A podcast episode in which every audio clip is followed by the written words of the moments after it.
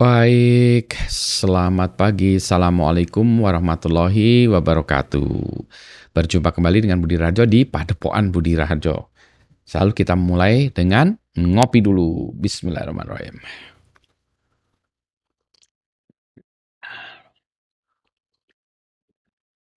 Kopinya enak. Dari, sebentar, mana ya? Ada di sebelah sana. Atau ini ya? Oh bukan, uh, kopinya dari grupnya ini ya. Dari penyuka kopi tetapi kopinya ini yang ini Cihurip uh, ada satu lagi yang saya pak ini tadi ya saya buat tadi adalah Cisewu oke itu satu. Yang kedua ini saya lagi eksperimen dengan suara. Kali ini saya pakai uh, aplikasi yang namanya Crisp ya.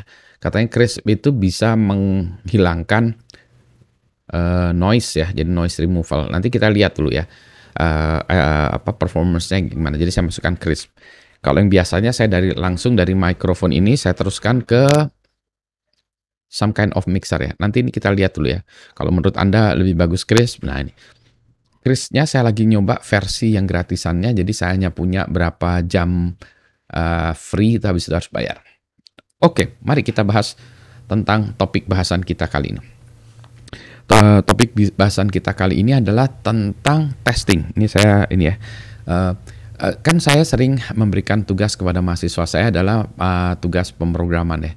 Saya buat misalnya ngajarin arsitektur komputer, misalnya saya minta mahasiswa membuat uh, pemrograman memodelkan sesuatu di dalam dengan bahasa pemrograman ya. Misalnya saya kasih tugas kemarin itu dalam bahasa Golang lah. Nah, uh, yang uh, saya lihat ya dari hampir semua, kayaknya semua ya mahasiswa malah itu adalah uh, mereka ketika membuat sebuah fungsi atau sebuah apa itu dia nguji hanya sekali. Jadi misalnya dia uh, membuat suruh buat fungsi apa ya katakanlah fungsi yang uh, mengimplementasikan apa uh, Mueller si elemen atau apa ya yang judulnya yang biar beda-beda Mueller si elemen atau apa ya Nah dia cuma ngecek sekali atau buat fungsi XOR gitu. Dia cuma ngecek sekali. Ini ini jalan sudah. Gitu.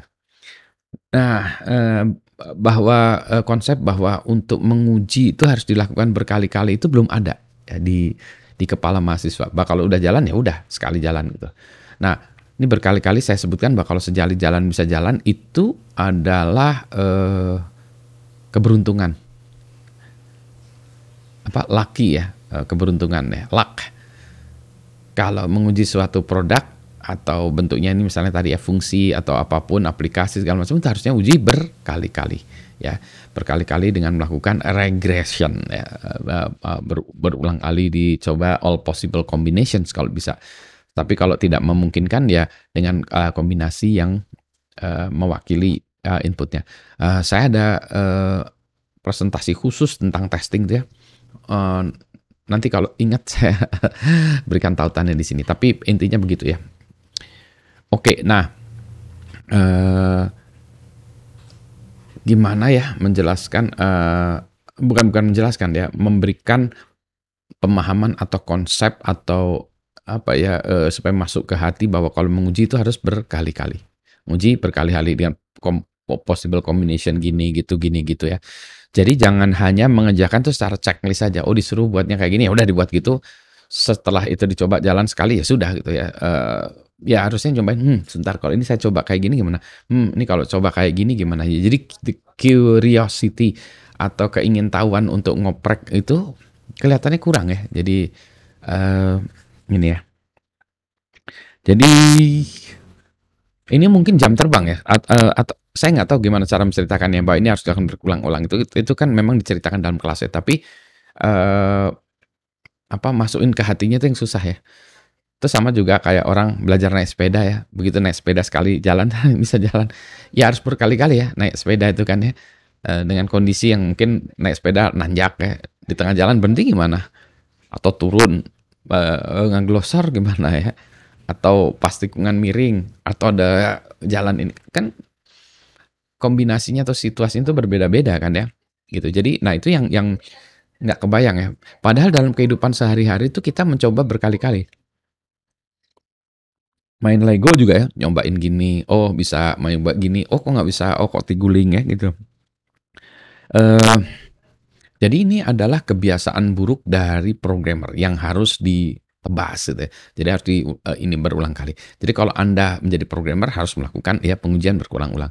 Kalau Anda ngajarin mahasiswa Anda atau orang-orang atau ini bahwa kalau kita mengerjakan sesuatu itu harus diulang, ulang ya, tes ini cobain gini, kalau dikombinasi gini gini, uh, kalau skenario begini gimana gitu ya. Jadi itu yang yang selalu harus dalam pemikiran kita ya bahwa kalau kita membuat design for production gitu ya bukan production ya ya kalau prototype pun ya itu juga tetap harus kita uji berulang-ulang ya uh, by the way saya melihat ini ya di indikasi suara saya kalau saya diam gini ya. Suaranya turun. Dia dia mengikuti tadi ada suara motor ya ini. Tapi habis itu dia langsung picking juga ya clipping juga ke atas ke atas. Nih saya nggak tahu kalau clipping ke atas gini tuh ya apakah uh, kemudian dia uh, suara saya tuh jadi sember clipping atau gimana gitu ya? Karena di saya lihat di sini tuh range-nya udah di uh, merah-merah gitu Nah, biasanya saya pengennya tidak sampai merah karena itu biasanya kalau udah merah semua itu artinya clipping ini juga saya lagi ngukur seberapa jauh saya bicara dengan mikrofon. Kalau kejauhan terlalu pelan, kalau kedekatan terlalu keras kali itu kan picking. Anyway, uh, ini motor lewat, tapi si Chris bagus ya begitu motor lewat awal-awalnya dia deteksi lama kelamaan dia akan hilang kan ya. Baik, uh, itulah yang ingin saya sampaikan pagi ini. Testing, nah, harus berulang ya. Uh, udah itu catatan saya tadi itu ya, uh, yang ingin saya sampaikan pagi ini. Baik, selamat pagi. Assalamualaikum warahmatullahi wabarakatuh. Kita habiskan kopi masih banyak nih, asik.